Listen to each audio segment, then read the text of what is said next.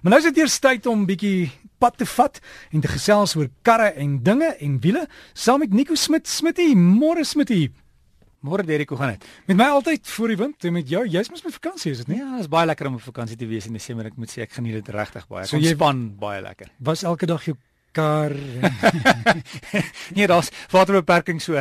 Ek kyk hoe my kar veiliger en veiliger word. Dit is nie 'n probleem nie. Ek en jy nou die dag net so per e-pos ge, ge gepraat en toe sê jy jy wil gesels weer oor die die logos van die motorkar, maar jy gaan hierdie keer die dieres vat. En een van hulle weet ek is altyd in rooi, maar kan nie 'n ander kleur ook kry? Jy kan die voertuig kan nie 'n ander kleur kry, maar hulle is gewoonlik baie skaars, hierdie geel. Hulle is meeste van die tyd in rooi. Ons praat natuurlik van uh, Ferrari. Ferrari. So uh, Ferrari, ehm um, die die persoon wat Ferrari begin het, sy naam is Enzo Ferrari. En ehm um, waar die die embleem vandaan kom is hy het op 'n stadium met hy resies was hy besig met 'n resies en toe het die ouers gekom van Francesco Baracca en Francesco Baracca was 'n uh, Eerste Wêreldoorlog vlieënier. Ehm um, hy was Italië se se beste vlieënier om die waarheid te sê en sy embleem op sy vliegtuig was 'n perd. En hy is dood voor die einde van die oorlog en hulle het toe gesê hoorie nou maar ter herinnering aan ons seun, ehm um, hier is die embleem 'n so, lap embleem van die vliegtuig en uh Enzo Ferrari dis nou um, hy het sy maatskappy in 1923 begin. So dis al vroeg na die Tweede Wêreldoorlog uitgesien, maar goed, ek gaan dit gebruik as die embleem vir vir my voertuie. Ehm um, en die agtergrond van van die van die perd is uh, het hy toe nou geel gemaak want hy is van Modena in Italië en die die kleur van Modena is geel.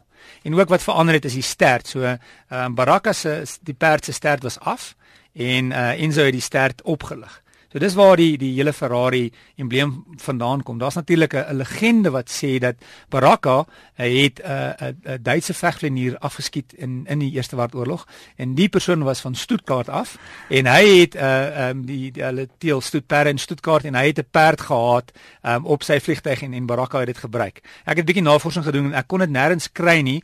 Ehm um, um, Baraka het voor die as vlieënier was hy 'n uh, eenheid wat berede was en hulle het um, perde gebruik. So dis waar waar waar die waar die embleem vandaan kom. En kan jy jou rooi Ferrari bestel in swart? Jy kan hom bestel in swart of in geel of in ligblou, maar dis gewoonlik baie skaars en, en dit is meer geld want Ferraris is bekend daarvoor dat hulle in rooi is. Natuurlik baie verskillende skakerings van rooi altyd, maar ehm um, meeste mense glo hulle Ferrari moet in rooi wees. So as jy wil uitstaan natuurlik is 'n geel Ferrari 'n goeie idee. En nou is ons klaar met die perdjie, wat is die volgende? Die bul. Die bil. Ehm um, natuurlik is ook as terwyl ons nou in Italië is, kom ons praat oor Lamborghini. So Lamborghini ehm um, het begin as uh, Ferruccio Lamborghini het trekkers gemaak. So hy was 'n uh, na die Tweede Wêreldoorlog het hy gesien daar's 'n groot geleentheid om trekkers te maak. So hy het begin om om trekkers te maak in 1963 en 1948. Was baie suksesvol, baie geld gemaak en hy het toe besluit luister ek gaan natuurlik vir my ek is Italianer, ek is 'n volbloed Italianer.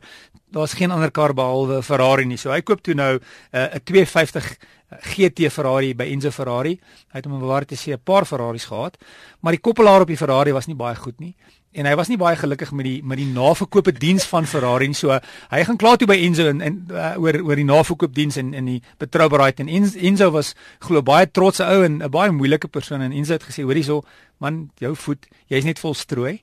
Ehm um, en hy besluit nou maar goed ek gaan my eie karre maak. So hy het besluit nou, nou goed, ek gaan nie net trekkers maak nie, ek het ek het genoeg kennis, so ek gaan ek gaan sportkarre maak. So hy het nou besluit om om sportkarre te maak. En hy het toe op 'n stadium na ehm um, 'n uh, 'n plaas toe gegaan waar hulle ehm um, ehm um, met bulle geteel het. En ehm um, die persoon se van wat die plek die plaas gehad het, sy van was Mura. En ehm um, hy was toe nou baie beïndruk met hoe mooi hierdie hierdie stoetbulle was op Mura se plaas. Soveel so dat een van sy eerste karre se naam Mura was en hy toe nou die bul 'n uh, embleem gebruik het en natuurlik hy's ook 'n uh, 'n bul of 'n torus. So dit het baie mooi ingepas om die bul embleem te gebruik. En die motors beskikbaar in enige kleur?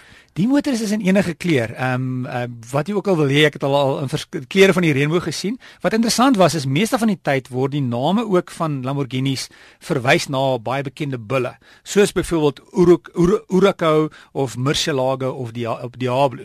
Een wat anders is natuurlik is die Countach. En glo as jy 'n Noord-Italianer is en jy sien 'n mooi meisie dan uit opgewondenheid roep jy uit Countach En Bertoon wat 'n stileerder was, het toe hy die eerste keer die prototipe sien van hierdie kar, was dit so mooi dat hy het gesê Countach. En dis waar die naam Countach vandaan kom. So Countach is een van die min Lamborghinis wat nie verwys na stuurgevegte of 'n bil nie. En dan prysklas Ferrari, Lamborghini. Ons kyk so kom ons kyk so na 4 miljoen, 5, 6, 7 miljoen. Ehm um, bietjie meer as wat ek kan bekostig. bietjie bo bo my begroting. Sluit dit 'n motorplan in. Uh ek ek ek vermoed so. Ek het nog nooit ek het nog nooit gaan vra nie. Dit uh, nee, versekerings is nog bietjie meer. Ja, sterkte. Maar, maar dankie. Ons sal eendag sal ons daai uitkom. Eendag, eendag. Sal die lotto 'n paar keer wen. Ja, jy het, jy het nodig om 'n groot lotto te wen, nie 'n kleintjie nie. 'n Miljoen is nie genoeg nie. Maar smet jy alles van die beste geniet die res van jou vakansie lekker rus en dan praat ons volgende week. Sien jou volgende week.